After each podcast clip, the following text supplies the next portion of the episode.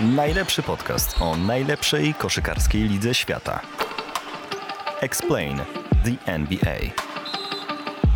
Analizują i wyjaśniają Mirosław Noculak i Radosław Spiak. Co tydzień tylko na desport.pl. Witamy, witamy w Jordanowskim, bo 23 odcinku naszego podcastu. Witaj Mirosławie. Witaj, witaj. Proszę bardzo, niedawno zaczynaliśmy e, nagrywać nasz podcast, a tu już sezon zasadniczy się kończy, ale ja się cieszę, bo playoffy to jest to, co te grysy lubią najbardziej, jak mawiał Klas. A, ale a propos Jordanowskiego, to miałem jeszcze, mieszkałem w takiej miejscowości Wólka Wielka pod numerem 23 i oczywiście jak nazywałem Wólkę Wielką? Jordanowo. A naturalnie. Jak się zjeżdża z A2 na S3, to zjazd się nazywa Jordanowo. Ja też jak tamtędy jadę do Zielonej Góry przykładowo, to, to też mówię, że Jordanowo. A jest Taka jeszcze po drodze, nazwa. po drodze do Gdańska jest e, Jazowa i oczywiście mówię, że to jest jazzowa. A ja 23 miałem numer w dzienniku w szkole i też mi się bardzo podobało. A ja najczęściej miałem dwa i trzy takie oceny w szkole. No to, to akurat mnie jakoś przesadnie nie dziwi. Ha! Zaczynamy nasz subiektywny przegląd tygodnia, oczywiście od tego, co dzieje się w fazie play-in i od razu zaznaczamy, że nagrywamy ten podcast w czwartek, co oznacza, że jeśli będziecie go odsłuchiwali na przykład w weekend, to będziecie znali już wszystkie rezultaty. My na razie wiemy, kto zajął siódme miejsce i kto będzie grał o ósme miejsce. Takie szybkie, Mirosławie, twoje wrażenia, jeśli chodzi o te mecze o siódme miejsce. E, Brooklyn wygrał z Cleveland 115-108, Minnesota wygrała z Clippers 109 do 104. Brooklyn w zasadzie zrobił to, co powinien zrobić, natomiast e, potrzeba było do tego absolutnie rewelacyjnego meczu Kyriego Irvinga i Kevina Duranta, ale człowieka, którego należy jeszcze wyróżnić zdecydowanie i warto o nim powiedzieć, to jest Bruce Brown. Bruce Brown to jest mój ulubiony gracz, już o tym mówiłem nieraz i on, je- jego, jego wszechstronność e, i taka mobilność po obu stronach boiska i agresja, takim najlepszym tego słowa rozumieniem, bo w, w, po polsku agresja kojarzy się z czymś negatywnym, natomiast w sporcie agresja jest i w obronie, i w ataku, jest opisywana jako zjawisko sensowne, pozytywne, że jesteś agresywny, czyli działasz na wysokich obrotach, działasz na, e, z dużą koncentracją. Także Brown e, zagrał w tym meczu fantastycznie. Zresztą on od jakiegoś czasu gra bardzo dobrze. Na początku go e, mroził na ławce Nash, ale teraz już jest w piątce. Jest to mój ulubiony gracz, chociaż ostatnio go opieprzył e, niejaki Kevin Durant za to, że się wypowiadał na, ten, na temat, jak sobie poradzą z Celtami, że takich rzeczy się nie mówi. No, A do tego jeszcze dojdziemy przy okazji analizy pary Boston z Brooklynem, bo też Okej. mam swoje zdanie na ten temat. A jeśli chodzi o Minnesotę, muszę ci przyznać, Mirosławie, że zaimponowała mi, bo przy tak Ale słabym meczu, przy tak słabym meczu Karla Antonego Townsa wyciągnąć mimo wszystko wygraną przeciwko dobrze grającym Clippers, to jest jednak y, dla tego młodego mimo wszystko zespołu, tak patrząc całościowo, to jest, y, to jest ważne wydarzenie, tak po prostu. I Patrick Beverly, który na koniec wskoczył na, na ten stolik sędziowski, tak, Tak to nazwijmy, tak. i rzucił e, koszulkę w trybuny, tak jakby oni zdobyli mistrzostwo. No dobra, można się z tego śmiać, ale dla nich to są, w sensie dla klubu, to są drugie playoffy od 2004 Czwartego roku, roku, więc tak. niech świętują i powiem ci szczerze, ja się nie mogę doczekać rywalizacji Anthony Edwards, Jamorant. No to jest, e, to jest ciekawa seria bez wątpienia. Natomiast, e, natomiast wracając do tego meczu jeszcze krótko. E, Clippers właściwie cały czas prowadzili. Pod koniec pierwszej połowy za- zaznaczył swoją obecność Russell. To jest gracz, który nieprawdopodobnie się zmienił od czasów, kiedy go pamiętam jako kapryśnego, takiego bawi, bawidamka, że się tak wyrażę, boiskowego z czasów Lakers. A teraz to jest tak solidny gracz nieprawdopodobnie. To jest absolutny mentor, men, mentor tej, tej drużyny, lider tej drużyny mentalny, może w tym sensie, może nie tyle mentor, co lider mentalny.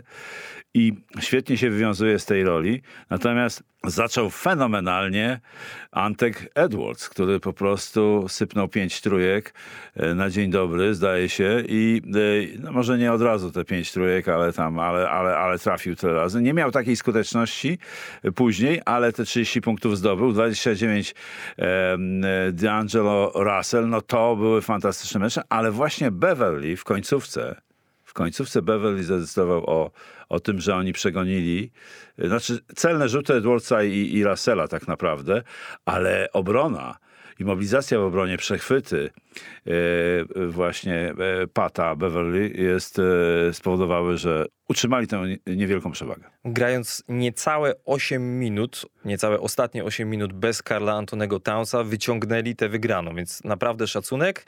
I jesteś też e, zarzucany pytaniami e, przez naszych słuchaczy na Twitterze i Hubert pyta, czy Pat Beverly ma równo pod sufitem. Niekoniecznie, ale w sumie komu to przeszkadza. W sensie to jest typowy przykład zawodnika, że jak gra dla ciebie, to go kochasz, jak gra przeciwko twojej drużynie, to go nienawidzisz. No i tacy ludzie już są i tyle. A nie, nie, nic do tego nie dodawał, poza tym, że, że, że to jest po prostu osobowość. Jeśli chodzi o te mecze, e, o pozostanie w walce o playoffy, e, no to Atlanta wygrała z Charlotte, e, wygrała 132 do 103 dość pewnie i Nowy Orlean pokonał San Antonio 113-110. Atlanta, mimo że tydzień temu ja na nią trochę narzekałem, biorąc pod uwagę cały sezon, mam wrażenie, że jeśli awansuje do playoffów, bo w momencie jak to nagrywamy, jeszcze tego nie wiemy, ale jeśli awansuje, to Miami mimo wszystko może mieć trochę problemów.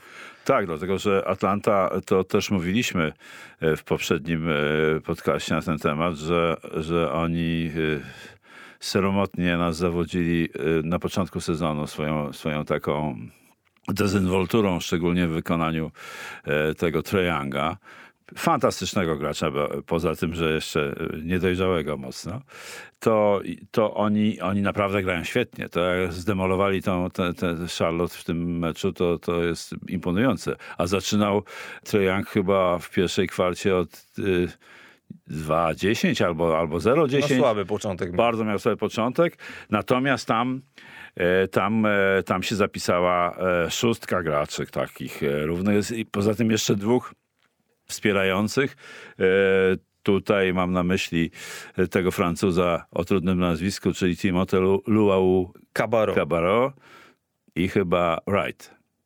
Też po 8 punktów, świetnie, e, świetne występy obu. E, tak jest, Delon Wright miał Delon. 8 punktów, 5 zbiórek i 4 asysty. E, teraz Atlanta będzie grała w Cleveland o wejście do playoffów i o ósme miejsce. Nowy Orlean będzie grał w Los Angeles z Clippers o wejście do playoffów i o ósme miejsce. Natomiast e, chwilę poświęcimy San Antonio, dlatego że Piotrek Grabowski pyta cię na Twitterze, jaka perspektywa na nowy sezon dla Spurs po wyciśnięciu play-in teraz, czy kolejny sezon w cudzysłowie stagnacyjny? No i teraz tak, jak popatrzymy na San Antonio, 34 zwycięstwa, 48 porażek w tym sezonie, więc to jest takie, nazwijmy to, e, stany średnie przebudowy. To znaczy ani w te, ani we w te tak naprawdę. Ale warto zaznaczyć, że między innymi ze względu moim zdaniem, że ta drużyna jest dość młoda, jest czwarta pod względem młodości w całej lidze, e, miała tylko 13 zwycięstw i aż 35 porażek z zespołami, które miały dodatni bilans. I żeby tę drużynę jakoś mocniej przebudować, żeby doszedł ktoś silniejszy, to San Antonio będzie musiało wyłożyć trochę pieniędzy. Tych pieniędzy będzie miało, owszem, co najmniej kilkanaście milionów, a być może nawet 27 do wydania tego lata, w zależności od tego, czy zatrzyma Loniego Walkera. Początek sezonu Loniego Walkera był dość średni, po All-Starze było trochę lepiej. Natomiast ja sobie myślę tak. San Antonio przez ostatnie 20 plus lat było zawsze silne dzięki zawodnikom, którym draftowało. Tim Duncan, Tony Parker, Manu Ginobili, Kawhi Leonard to byli wszyscy zawodnicy wydraftowani przez San Antonio. W ostatnich latach to się trochę zmieniło. To znaczy San Antonio zaczęło ściągać też graczy z innych klubów w takim sensie, żeby oni no, byli podstawowymi zawodnikami tej drużyny, bo w tym momencie tutaj nie ma żadnej super gwiazdy. No okej, okay, DeJounte Murray gra super sezon, był w meczu gwiazd, ale on sam z tą drużyną nie zrobi nic więcej. I ja sobie wyobrażam, ale to jest tylko moje wyobrażenie, że jeśli Chicago nie dałoby tylu pieniędzy e, Zakowi Lawin, ile on by chciał, to właśnie San Antonio byłoby ciekawym miejscem dla Lawina. Natomiast czy para Lawin DeJounte Murray byłaby takim zachodnim odpowiednikiem Jasona Tatuma, dajmy na to, i Jaylena Browna, to mam mimo wszystko wątpliwości. W dużym skrócie obawiam się, że to będzie i tak kolejny sezon stagnacyjny dla San Antonio Spurs. No jeżeli, jeżeli nie będzie tam wzmocnień zawodnikami doświadczonymi, rutynowanymi, którzy potrafią zdobywać punkty, w dwóch, e, w dwóch miejscach widziałbym wzmocnienie tej drużyny. Pod koszem E, ani e, ten Austriak Pertl, tak, ani ten, ani, ani Zach Collins to nie są mm, zawodnicy o takiej współczesnej sylwetce środkowego. Tak. Aczkolwiek Peltl bardzo mi się podoba. Peltl, Peltl, Peltl jest y, y, bardzo skuteczny, trzeba przyznać, ale on to jest, to jest, to jest ten typ środkowego y, jak mówią ze starej szkoły, tak? Więc przydałby im się taki ktoś na miarę Roberta Williamsa, ale wiadomo, że Robert Williams tam nie trafi z y, Bostonu raczej. I jeszcze ktoś na pozycji 3-4 typu Tobias Harris, pewny gracz e, i doświadczony, z dobrym rzutem, z grą jeden na jednego.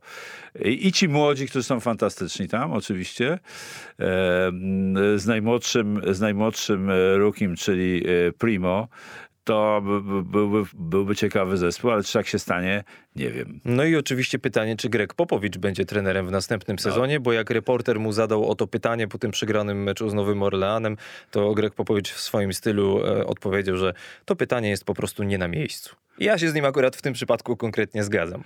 Albo mógł odpowiedzieć, e, poczekaj kolego, założę krawat i ci odpowiem.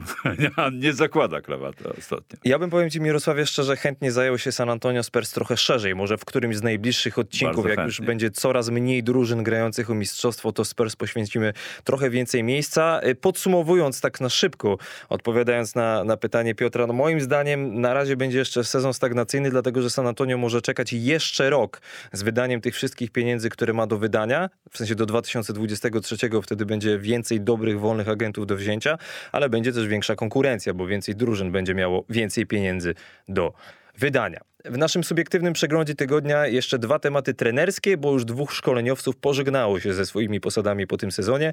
Jak można się było spodziewać, Frank Vogel nie jest już trenerem Los Angeles Lakers. No cóż, na, no w zasadzie było to do przewidzenia. Musiało to na kogoś spaść i raczej było oczywiste, że spadnie to na niego. Jest mi trochę przykro z jego powodu, bo ogólnie uważam go za dobrego trenera. Natomiast mając w składzie taki zestaw osobowościowy, takich supergwiazd i w takiej liczbie, to potrzeba tam moim zdaniem człowieka, który się z nimi przede wszystkim dogada. Tak jak mówił Greg Popowicz o imię Udoce, to nie chodzi o te X and O's.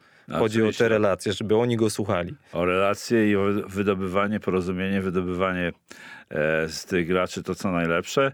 E, I zdaje się, że e, Kamileczek Hanas zadał pytanie. Tak jest, Kamil Hanas pyta na Twitterze e, ciebie, jaki trener dla Lakers? Pozdrawiamy Kamila. Byłeś ostatnio u niego, oglądałem. Jaki? E, Bardzo dobry oczywiście, ale konkretnie ja uważam, że tego, do tego towarzystwa, bo to trzeba powiedzieć kilka słów o tych panach, którzy są tam e, gwiazdami, czyli LeBron James, e, Davis, e, Anthony Davis i e, raz e, Westbrook. To są trzy różne inne typy i teraz, teraz żeby, żeby takim e, kapitałem ludzkim zarządzać, to potrzeba naprawdę kozaka. Ja bym tam widział dwóch trenerów e, ze starszego pokolenia. Chucka Daly, no mój ulubiony trener, który sobie radził z tymi bandziorami z, de, z Detroit fenomenalnie. Gdyby I, żył... no gdyby żył, oczywiście mówię o, Gdyby żył. o, o, o, o tego czystej typu teorii. trenerzy. a, tak. a, ty mówisz o typie trenera. Tak, Okej, no, okej. A, a, a, a ten typ trenera y, utożsamiam z y, Chuckiem Daly, a drugi, wybitny magik, to jest Phil Jackson, który nie, z- nie z takimi sobie radził świetnie, jak, jak ta trójka, którą wymieniłem. Najtrudniejszym oczywiście jest y, tam człowiekiem e, LeBron James, bo on, e, on nie zaprzecza, że jego ksywa King James mu się należy, więc on jest taki, taki, takie ma monarsze, że tak powiem, zapędy tam w tych organizacjach, w których pracuje. Tak podejrzewam, nie, nie, nie wiem dokładnie tego, bo tam nie byłem, ale tak sobie wyobrażam. Musi być też trener, który rozwiąże problemy Antonego Davisa, który jest e, mimozą moim zdaniem taką. Świetny gracz o znakomitych parametrach, znakomitych umiejętnościach, ale jest tak, tak nie, niepewny i psychicznie taki mocny. No jest, to nie jest walczak, to nie jest typ walczaka. A do e, e, Rasa Westbrooka to już naprawdę e, trzeba takiego specjalnego podejścia. Większość ludzi nie wie, co z nim zrobić. Ja bym chciał mieć e, Rasa Westbrooka w swojej drużynie. Zobaczymy, czy raz Westbrook zostanie na następny sezon, bo ma opcję zawodnika do wyboru, do przedłużenia kontraktu o rok za 47 milionów dolarów, więc ja bym brał. Natomiast... e, Gdybyś był Rasem. Tak. No. Moje przypuszczenie jest takie, szerokie przypuszczenie, że z obecnych trenerów, będących aktualnie w lidze, No właśnie, z obecnych to ty powiedz. do a ja Rivers. E, do Clippers do nich? Tak. A czy ja, ja bym, y, ja bym do Clippers y, być może tak, bo, bo to, bo on mógłby, mógłby się dogadać z nimi, ale jeżeli chodzi o trenerów y, takich, którzy robią na mnie wrażenie i którzy może by tam dali radę, to jest na pewno e, Monty Williams i e, Eric Spoelstra, ale żaden z nich tam pewnie nie pójdzie. Mało tego, Monty Williams był kandydatem do objęcia Lakers w 2019 roku, jak była wolna posada i i on, i Tyron Lu odrzucili te propozycje i moim zdaniem mądrze zrobili. No. Wprawdzie w ogóle zdobył to jedno mistrzostwo z Lakers, ale dla mnie to jest coś na zasadzie jak Steve Kerr odrzucił propozycję New York Knicks. Wiadomo, że Lakers i Knicks to są takie wielkie marki, zawsze przyciągające, bo też duże miasta, ale jak świetnie Steve Kerr wyszedł na tym, że jednak poszedł do tego Golden State. I jeszcze pojawiają się ostatnie informacje, że e, na celowniku Lakers jest Nick Nurse, ale on w 2020 roku podpisał e, wieloletnie przedłużenie kontraktu z Toronto, więc myślę, że jest to mimo wszystko mało prawdopodobne. Odpowiadając faktycznie na pytanie Kamila, bo jest różnica między jaki trener, a który trener, Tak. to jaki trener, taki, który ogarnie to wszystko Tak osobowościowo. Jest. Tak jest. Ale Frank Vogel nie jest jedynym trenerem, który stracił posadę, bo także Alvin Gentry został zwolniony z Sacramento Kings. Alvin Gentry formalnie był e, jakby czasowo trenerem Kings po tym, jak w listopadzie zwolniono e, Luka Waltona. Jest mi trochę szkoda Alvina Gentry'ego, przyznam szczerze, bo ogólnie go lubię. E, To był trener też, który jak z Golden State jako asystent Steve'a Kera po pierwszym mistrzostwie przechodził do Nowego Orleanu, to wiązałem z nim spore nadzieje i dla mnie to był zawsze trener związany z ofensywą, ale powiem też w dużym skrócie, bo mamy dzisiaj dużo rzeczy do omówienia, a nie za dużo czasu, że ja nie mogę patrzeć na Sacramento i nie chodzi mi o grę. Chodzi mi o, o organizację.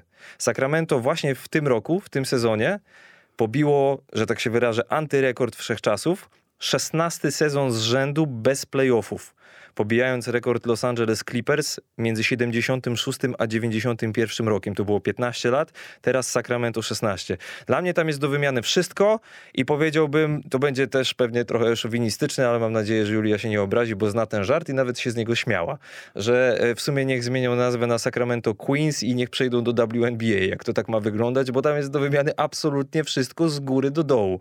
I tam nie działa od lat.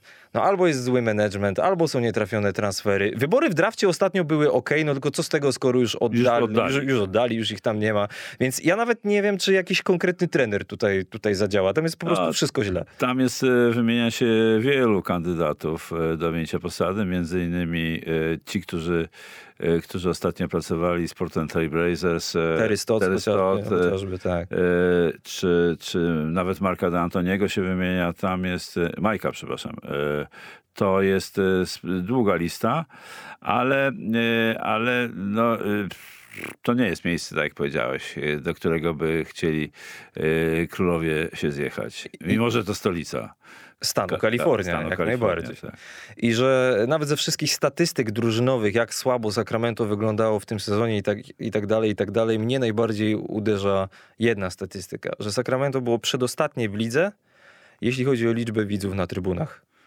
To jest miasto, które zawalczyło o swoją drużynę, bo były parę lat temu plotki, że, że Kings mogą się przenieść do Seattle, a kibice zawalczyli była presja społeczna, żeby ta drużyna została i nagle mało kto chce ją oglądać, bo po prostu z roku na rok nic tam się nie zmienia i tyle. Więc nie wiem, co nowy trener może zmienić. Chyba, że to będzie Phil Jackson, ale wątpię. No tak, a pamiętasz, że on poszedł na menedżera do Nowego Jorku i też mu się niewiele udało zrobić. No tak, to oczywiście tak pół żartem, pół serio, ale bardziej żartem. No to co, przechodzimy do naszego głównego tematu tygodnia, bo playoffy, playoffy się zbliżają, kochanieńki. Gotowy na sobotę? Już E, cztery mecze w sobotę. Tak, no już ten, już ten, już ten play-in jednak taki klimat wprowadził. Teraz te mecze dwa, które będą o to ósme miejsce, będą na pewno bardzo ciekawe, bo, bo, bo i, i Pelicans z, e, z Clippersami, e, Clippersi od, przegrali ten mecz, z, mówiliśmy już o tym z Minnesotą. Trochę na własne życzenie, ale z drugiej strony Minnesota zagrała świetnie końcówkę. Mm, No, a, a tutaj Atlanta, Cleveland. e, pff, Cleveland dla mnie może się postawić Atlancie, ale chyba e, trochę wyżej bym postawił na, na, na, na, na Hawks. To dzisiaj jako główny temat mamy właśnie przede wszystkim playoffy i ponieważ nie wiemy jeszcze, kto zajmie ósme miejsce na wschodzie i na zachodzie, więc nie wiemy z kim zagra Miami i z kim zagra Phoenix, skupimy się przede wszystkim na parach 2-7, 3-6 i 4-5 i proponuję zacząć od wschodu, od moim zdaniem absolutnie najciekawszej pary w pierwszej rundzie, czyli Boston kontra Brooklyn. Będzie się działo. Kyrie Irving przeciwko swoim byłym kolegom oczywiście będzie mógł zagrać we wszystkich meczach, również tych domowych. No i teraz ja się nie mogę doczekać Markusa Smarta na Kairim Irvingu, przyznam ci szczerze Mirosławie. I Boston to jest drużyna, która najczęściej zamienia krycie w lidze, tak całkowicie. I a propos tego, co mówił Bruce Brown po meczu wygranym z Cleveland po awansie na siódme miejsce, bo on powiedział, że skoro nie ma Roberta Williamsa, to będziemy atakowali Ala Horforda i Daniela Tysa, za co dostał tak zwany opieprz tak. od Kevina Duranta. E, A tak swoją drogą, twoim zdaniem, jako e, trenera, e, faktycznie niepotrzebnie to powiedział na głos? Nie, nie, nie uważam, żeby, to, żeby, żeby warto to, do tego przywiązywać jakąkolwiek wagę. No, Bruce Brown wypowiedział się po prostu jako jeden z tych, którzy mają teraz coś do powiedzenia w, w Brooklynie i może dlatego Durant go no, tak skarcił trochę. To kompletnie nie ma znaczenia, co mówią zawodnicy przed meczem. Ważne jest, co zrobią w meczu i w tej, ta, w tej ta seria jest rzeczywiście najciekawsza w pie, z pierwszej rundy playoff, bo tam ja jestem bardzo ciekaw e, Kyrie Irvinga, bo tam chyba padło takie pytania od E, Od Damiana Podawcy. Od Damiana akurat Podawcy, jest. tak. Pozdrawiamy Damiana. Czy wypoczęty Kairi wprowadzi Nets do finału? No wypoczęty to on jest, bo grał połowę meczów albo mniej i to jest prawda i to... Natomiast mnie, e, mnie się podoba e, w Kairi coś takiego, ta jego mobilizacja i koncentracja. Ja nie wiem, czy ta sytuacja, e, kiedy był e, no, mocno atakowany, zresztą nam się też to nie podobało, mnie się na pewno nie podobało to, że on postawił e, swoje sprawy osobiste, prywatne, podejście do i filozofię życia do, postawił ponad, ponad zespół e, czy, czy, czy pracodawcę, mówiąc e, tak formalnie, bo to przecież zawodowy za- gracz. E, To, to, to mnie się nie podobało. Natomiast on bardzo jest tak- nie, tak skoncentrowanego i tak spokojnego e, Kyrie Irvinga nie widziałem w tym meczu. On oprócz tego, że zdobył taką liczbę punktów i przy skuteczności za dwa stuprocentowe 11-11, to jeszcze miał 12 asyst. Czyli on, y, on nie gra tak samolubnie, jak, jak, jak kiedyś to wyglądało. Więc y, to jest bardzo groźne, groźna, groźna, groźna sytuacja dla, e, dla Bostonu. No a podkoszowa ten, ten Dramont z, z tym Claxtonem, który no, nie sprawiał wrażenia gracza e, drużyny kandydującej do, do tytułu mistrzowskiego, w ostatnich e, tam miesiącach się znacznie poprawił. Pamiętajmy, że Boston jest jednak e, czołową obroną w NBA. No tak. Owszem, w dużej mierze dzięki Robertowi Williamsowi, ale nie tylko dzięki niemu. I mnie będzie bardzo interesowało, jak Boston będzie bronił Kevina Duranta, który tak swoją drogą w ostatnich dziewięciu meczach gra średnio prawie 42 minuty i myślę, że w tej serii, a sądzę, że będzie długa, możemy się spodziewać, że on będzie no, mocno eksploatowany przez Steve'a bo, bo kiedy siada na ławce, to bez niego e, Brooklyn jest zdecydowanie gorszy, bo z nim na boisku w sezonie zasadniczym Brooklyn jest e, m, plus 6,5 średnio, bez niego minus 5,5. Więc nie będzie tutaj mógł liczyć na dużo wypoczynku. A co do Kairiego Irvinga, ja się zastanawiam, czy to jego wypoczęcie nie zadziała trochę przeciwko niemu, bo on sobie tutaj grał na spokojnie, raz w tygodniu, dwa razy w tygodniu, a tu na- nagle będzie taka potężna seria. Moim zdaniem siedmiomeczowa. Kto wygra, moim zdaniem to powiemy na koniec analizy, ale też moim zdaniem bardzo dużo po stronie Bostonu będzie zależało od... E, po prostu od Jasona Tatuma, od jego skuteczności i umiejętności wykańczania meczów. W sensie, jak będzie grał w tych decydujących momentach. Dlatego, że o ile całościowo w sezonie grał naprawdę dobrze, tak w tych końcówkach, które były wyrównane, to tak nie do końca.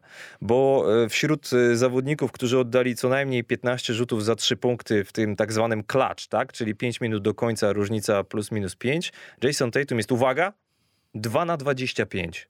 To jest bardzo, bardzo, bardzo słabo, jak wiadomo. Słabiutko, tak. Więc y, te starcia Tatuma z Durantem będą fenomenalne i jeśli tylko Tatum będzie trzymał wysoki poziom w końcówkach, to moim zdaniem Boston tę serię wygra w siedmiu meczach. Taki jest mój typ. Też bym się skłaniał do takiego typu, chociaż, e, chociaż e, ten, e, ten mecz z Cleveland, no Cleveland, to co e, mi się podobało najbardziej w tym meczu, to gra, bardzo zespołowa gra e, Netsów. I bardzo mi przypominało to, co mnie zachwycało, co mnie zachwycało w początkowej fazie w grze Golden State Warriors. Ta kombinacyjna gra, wymiana piłek, e, ta właśnie taka hokejowa e, między, między trzema graczami, to świetnie e, działało w tym meczu i no to będzie duże utrudnienie, jeżeli się gra w trójkę na małej przestrzeni, bardzo duże utrudnienie dla obrony. To jest, to jest bardzo trudno wykonać szybką rotację czy, czy przekazanie, więc, więc to, to będzie bardzo ciekawe. Ja jestem bardzo ciekaw tej serii, Ym, no ale ale jeżeli Boston mm, utrzyma ten właśnie poziom obrony z sezonu zasadniczego w, w playoffie, to, to, to, to Nets mogą mieć kłopoty. To twój typ na tę serię? Boston. W ilu meczach? Siedmiu. 4-3. No to teraz przechodzimy do Milwaukee, które z trzeciego miejsca będzie grało z szóstym Chicago. Moim zdaniem to będzie dość krótka seria i nawet na początek podam swój typ. Moim zdaniem będzie 4-0 dla Milwaukee. No I tak było 4-0, było też e, w rundzie zasadniczej między tymi zespołami. Wszystkie mecze wygrała Milwaukee. Bo ogólnie Chicago w tym sezonie i o tym mówiliśmy w jednym z poprzednich odcinków y, z czołową czwórką zarówno konferencji wschodniej, jak i konferencji zachodniej ma beznadziejny bilans, dwa zwycięstwa i 21 porażek. Ta drużyna na sezon zasadniczy jest zbudowana naprawdę fajnie, ale moim zdaniem w playoffach bez doświadczenia, bez odpowiedniej siły pod koszem no, mistrzom NBA się za bardzo mimo wszystko nie postawią, niezależnie od tego, jak DeRozan i Zach Lavin będą grali świetnie. Tak w dużym skrócie.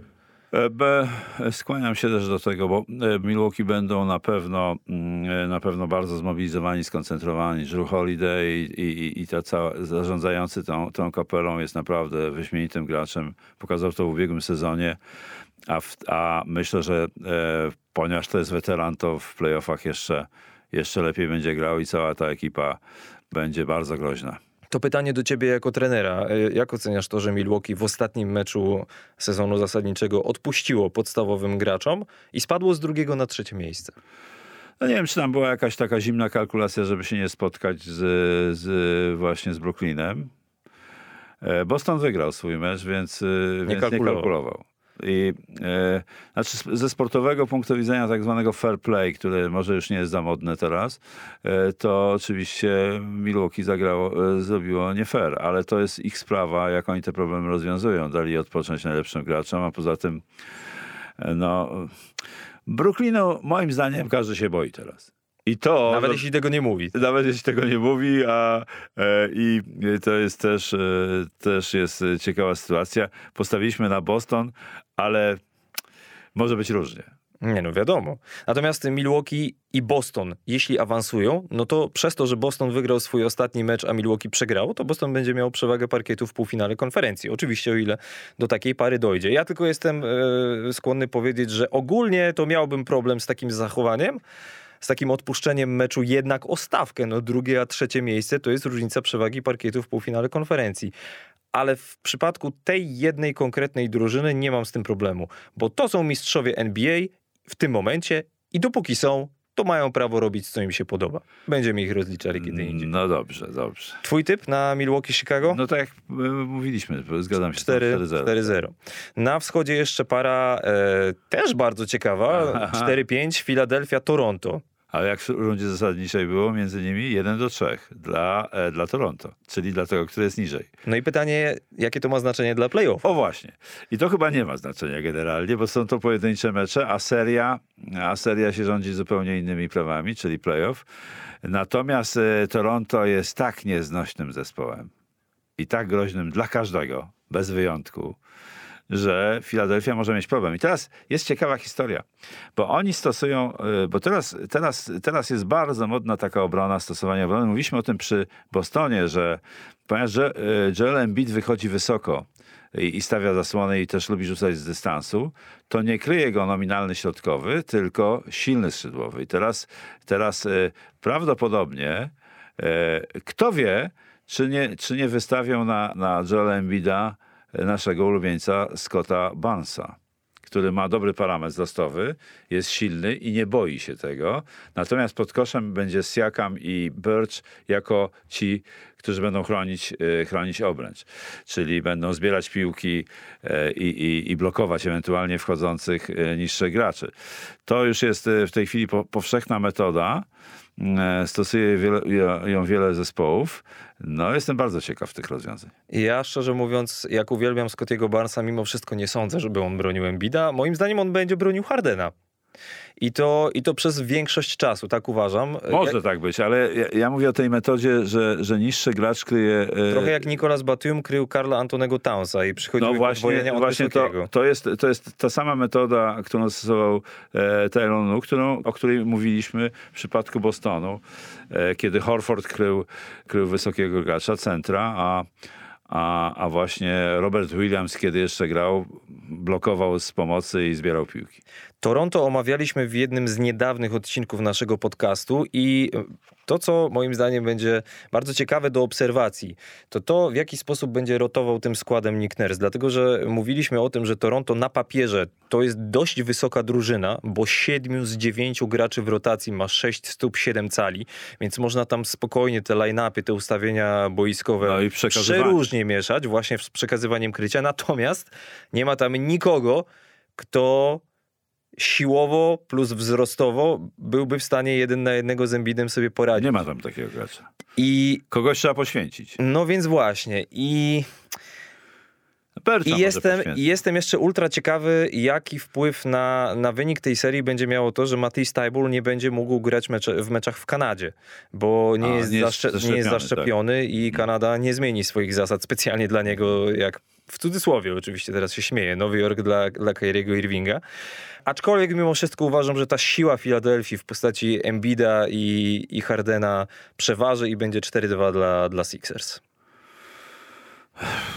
Chciałbym, żeby była niespodzianka w, tym, e, w tej serii i e, w związku z tym powiem odwrotnie. 3-4 wygra Toronto. Okej. 4 do 3. Bardzo ciekawie. No to czyli osta- i ostatni mecz e, w Filadelfii Tak, grany. No, ten siódmy i oni tam wygrają. E, mają z nimi e, 3-1 i właśnie wy, wygrywali, wygrywali też w, w Filadelfii. Jezu, jak ja bym chciał tutaj jeszcze z milion rzeczy powiedzieć o każdej z tych serii, bo przygotowałem milion tematów i, i, i podtematów, o których chcielibyśmy pogadać, ale, ale musimy lecieć dalej. E, Przenosimy się na zachód i zaczynamy od e, pary 2-7, bo mówimy, 1-8 na razie nie omawiamy, no bo nie wiemy, kto Bo będzie Sans, ósemką. Sans, a tam to pytanie Tomasza Remkiewicza. A, Tomek Jaremkiewicz, którego serdecznie pozdrawiamy, pyta Tak. na Twitterze, czy te playoffy mają sens w ogóle, bo chyba nikt nie wygra z Sans. Moja odpowiedź na to jest taka, że skoro w tym pytaniu jest zawarte słowo chyba, to znaczy, że mają sens. To, to po pierwsze, a po drugie, też chciałbym krótko, ale moim zdaniem Tomek e, Jaremkiewicz, który ma sarkastyczno-szydercze podejście do, e, do Twittera i do, do analiz, okraszonych co prawda e, nie, nie, nie najgorszym poczuciem humoru, może skrywać pod tym, wiemy przecież, że był fanem, albo jest dalej Brooklynu, może skrywać pod tym, pod tym stwierdzeniem chyba właśnie może, mogą tego dokonać Brooklyńczycy. Na zachodzie zatem e, para 2-7. Memphis, Minnesota. Nie do końca wiem, co sądzić o tej parze, przyznam szczerze, ale im dłużej nad tym się zastanawiam, tym bardziej mam wrażenie, że Memphis wcale nie będzie tak łatwo, jak się może wydawać. Nie, 2-2 jest w, w meczach między nimi w, w rundzie zasadniczej. To znaczy ogólnie uważam, że, że Memphis będzie lepsze i wygra w sześciu meczach, że będzie 4 do 2 w tej serii.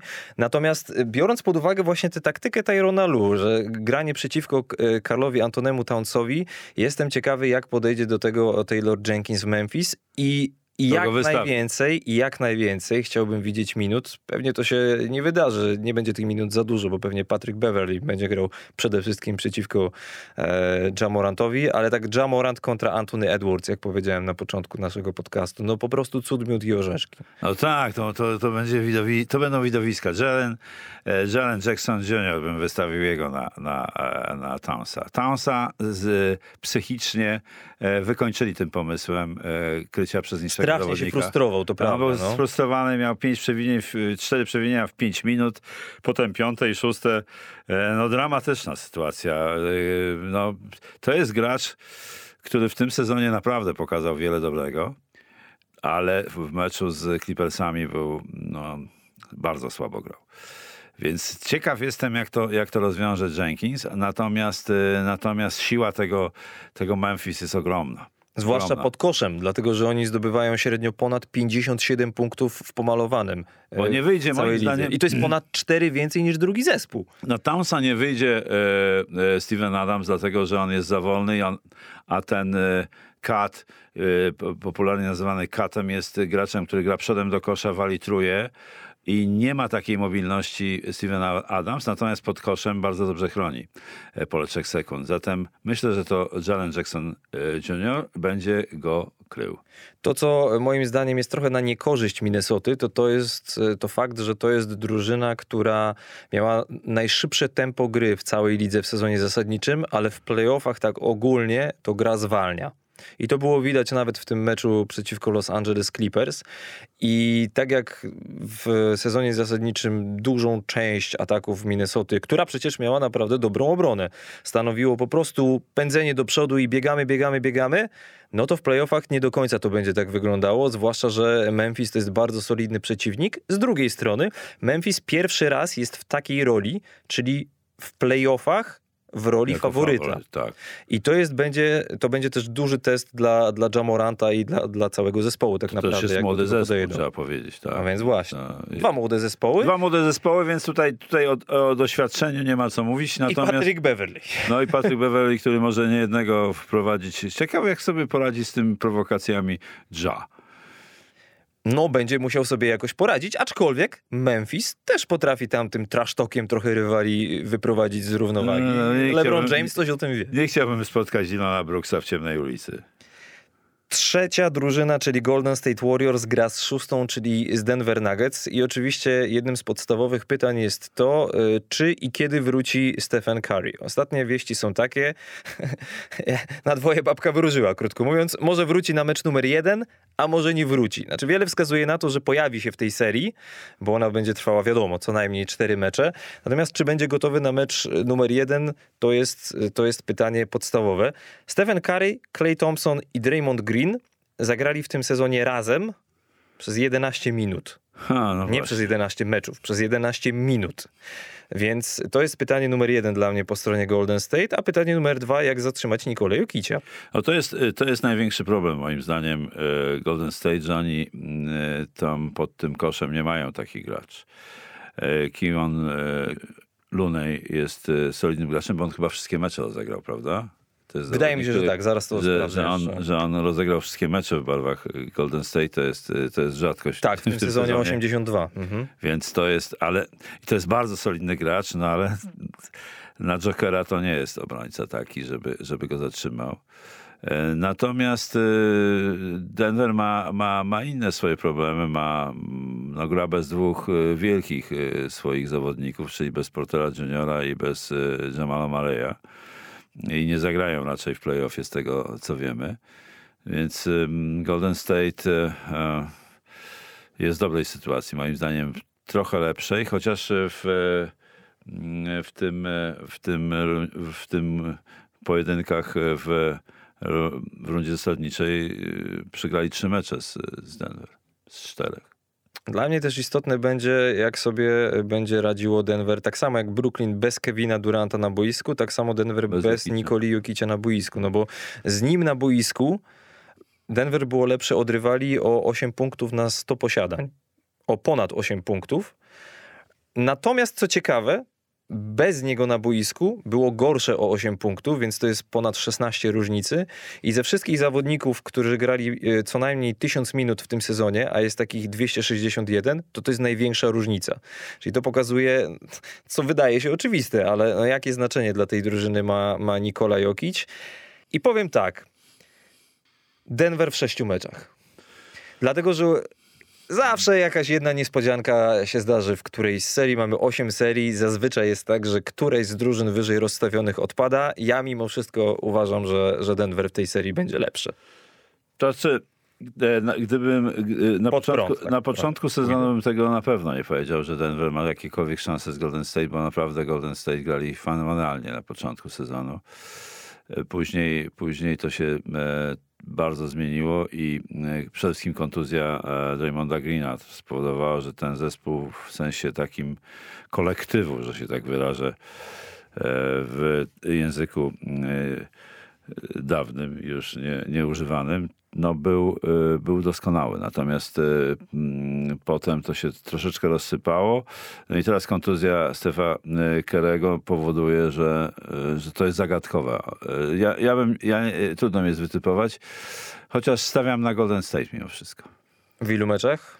No, w siedmiu niech będzie. Okej, no to tutaj się różnimy i sprawdzimy to za czas jakiś. I ostatnia seria na zachodzie, Dallas kontra Utah i tutaj pytaniem numer jeden jest oczywiście stan zdrowia Luki Doncicia. I kiedy wróci do gry, kontuzja łydki w ostatnim meczu sezonu zasadniczego, pod koniec trzeciej kwarty, a po meczu Jason Kidd powiedział, że jak w zasadzie chciałem go zdjąć już po tej trzeciej kwarcie, żeby nie grał czwartą. No to teraz Dallas ma kłopot, bo kontuzja łydki i wprawdzie Doncic ma tydzień, na doprowadzenie się e, do stanu używalności, że tak się wyrażę, no to pytanie, jak, nawet jeśli będzie grał, to w jakim będzie stanie? To jest, to jest y, podobna kontuzja jak, jak naciągnięcie y, mięśnia dwugłowego, hams, hamstring po angielsku, tak. To, jest, to są podobne mm, kontuzje i, ich leczenie trwa dosyć długo. Nie wiem w jakim stopniu tam doszło do tego zerwania w mięśniu, którymś z mięśni łydki i to, to jest zagadka, ale be, rzeczywiście bez Doncicza to to myślę, że mogą mieć problemy z pokonaniem jazzu. Znaczy, ja powiem tak, myślę, że bez Doncicia to będzie 4-0 dla Utah, mówię poważnie. Aż tak. A z Donciciem będzie 4-3 dla Dallas.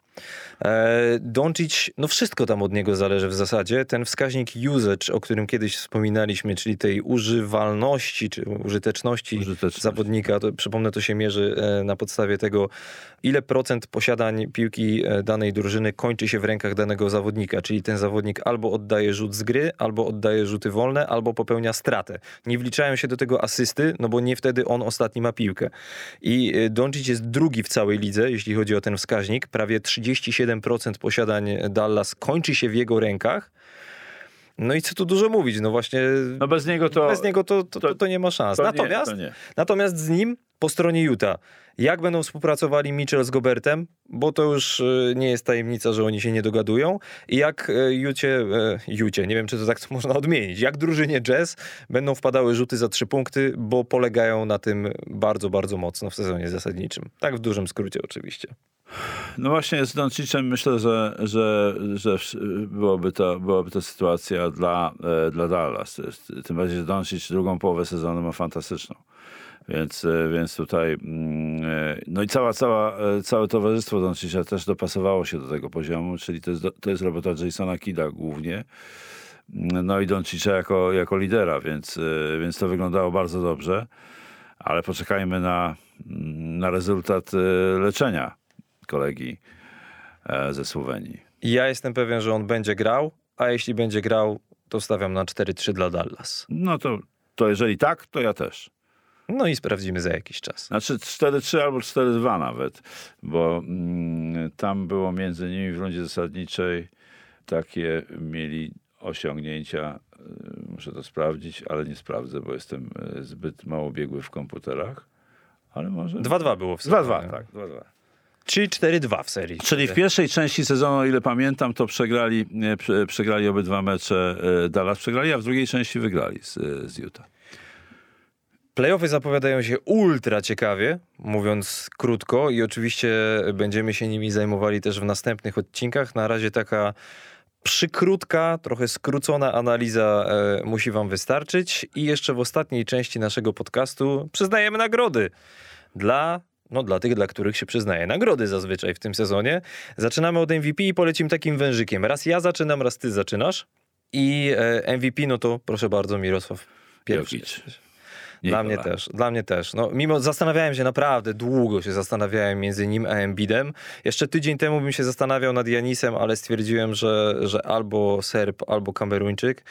No i Jokic ma, w ogóle to jest ciekawe, bo jak przegrzebywałem różne statystyki, to biorąc pod uwagę wskaźnik efektywności gry, to jest formuła, na, na podstawie liczb się Tak. wylicza ten wskaźnik efektywności gry.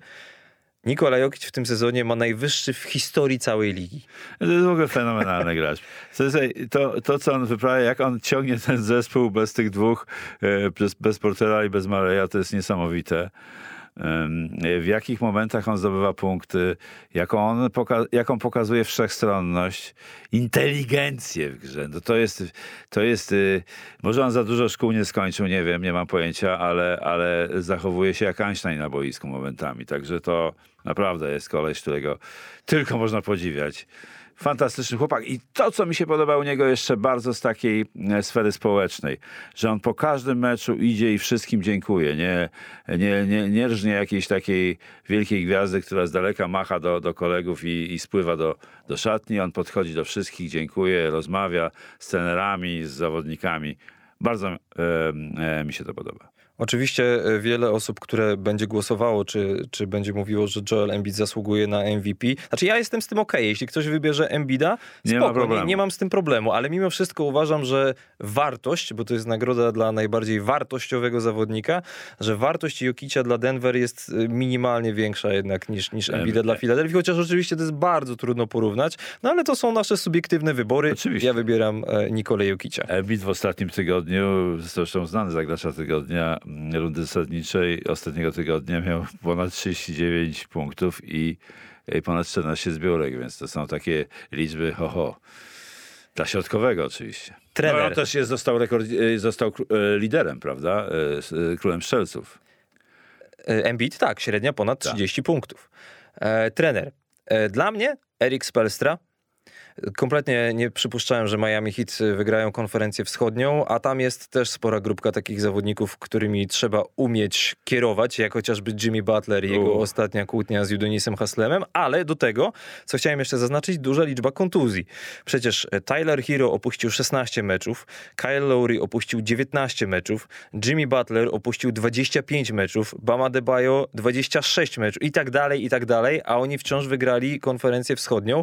Wiem, że wielu wybrałoby Montego Williamsa, jeszcze zanim cokolwiek powiesz, ale dla mnie mimo wszystko Eric Spelstra. E, To jest mój ulubiony trener, absolutnie, Alex Pelstra, ale ja wybieram Montego Williamsa, bo powinien dostać tę nagrodę w ubiegłym roku. Dostał, e, dostał ją e, mm, trener Nowego Jorku. Tom E, Thibodeau. Tom Thibodeau, natomiast e, i, i, i, i, też nie kwestionowałem tego wyboru, bo rzeczywiście on zrewolucjonował, e, zrewolucjonizował, znaczy może nie zrewolucjonizował, ale pokazał Nowy Jork w takim wydaniu, że to było imponujące. Natomiast ja, Monty Williams, z, z wielu powodów, on nie ma aż takiej bandy rzeźmieszków do zarządzania, ale, ale, ale nie ma też tam łatwych zawodników. Devin Booker to nie jest łatwy koleś do zarządzania. Chris Paul na pewno nie jest łatwym człowiekiem do zarządzania, więc to, e, to, to tak, bym, e, tak bym jednak widział na, te, te, na tym miejscu e, Montiego. To teraz dla ciebie, ty zaczynasz najlepszy obrońca. No też Phoenix. Michael e, Bridges. Okej. Ja stawiam na Markusa Smarta mimo wszystko. Wiesz, uważam, że, że nadszedł czas, żeby, żeby najlepszym obrońcą był zawodnik obwodowy. Po raz ostatni wiesz, E, kiedy to się wydarzyło? Michael, Michael, A e, może grać na e, pozycji numer 3. Okej, jest zgadzam się. Zgadzam się. Znaczy, no to dobra, no to biorąc to pod uwagę, 26 lat. Gary Payton w 96 roku. To był ostatni raz, kiedy zawodnik obwodowy był najlepszym obrońcą, bo tak, Tak. byli sami środkowi albo silni skrzydłowi i tylko e, Kawhi Leonard dwa razy i Draymond Green raz, czyli gracze z pozycji numer 3. Znaczy Michael Bridges ok, też nie mam z tym problemu, ale dla mnie mimo wszystko Marcus Smart, bo on jest ostoją defensywy Bostonu obok Roberta Williamsa.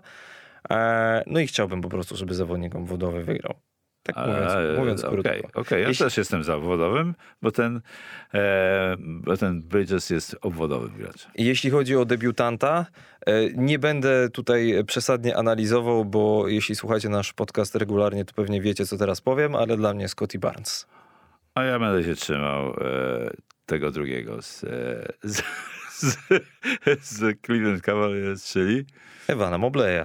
e, oczywiście, że Ewana Mobleya. Ale wiesz, co jest fajne w tym roku?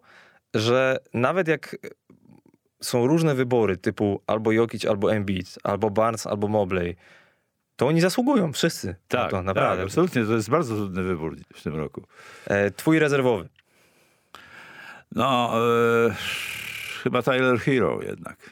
No to tutaj mamy tak samo. I co najciekawsze jest, że z tymi statystykami, które ma jakieś, tak. Tyler Hero, to on spokojnie mógłby być graczem podstawowym w Miami, przecież w sensie w pierwszej piątce, bo on jest drugim strzelcem za Jimmym Butlerem, jeśli chodzi o skuteczność rzutów za 3,40%. No ale wchodzi z ławki i moim zdaniem jego postawa w playoffach będzie kluczowa dla Miami. Już w tych dalszych seriach, bo stwierdzam, że pierwszą rundę to przejdą, niezależnie od tego, z kim będą grali, czy z Cleveland, czy z Atlantą. Chociaż z Atlantą będą mieli większe problemy. No ale y, do tego już teraz nie wracajmy. I postęp. Nagroda za największy postęp. Darius Maxi. O proszę, ja wybrałem Jordana Pula. Wiesz? A, dobry wybór. To, to jest podobna sytuacja. Jeden i drugi zasługuje na ten, na ten wybór. E, e, Jordana Pula wybrałem dlatego, że musiał w pewien sposób zastępować e, Stevena Karego przez pewien okres i wywiązał się z tego trudnego obowiązku bardzo dobrze moim zdaniem. W sensie, w sensie był pod presją, o to mi chodzi, że, że, że poprawił się, e, jak on się poprawił? Z 12 na 18 punktów średnio, z 2 do 4 asyst, z niecałych dwóch zbiórek do ponad trzech.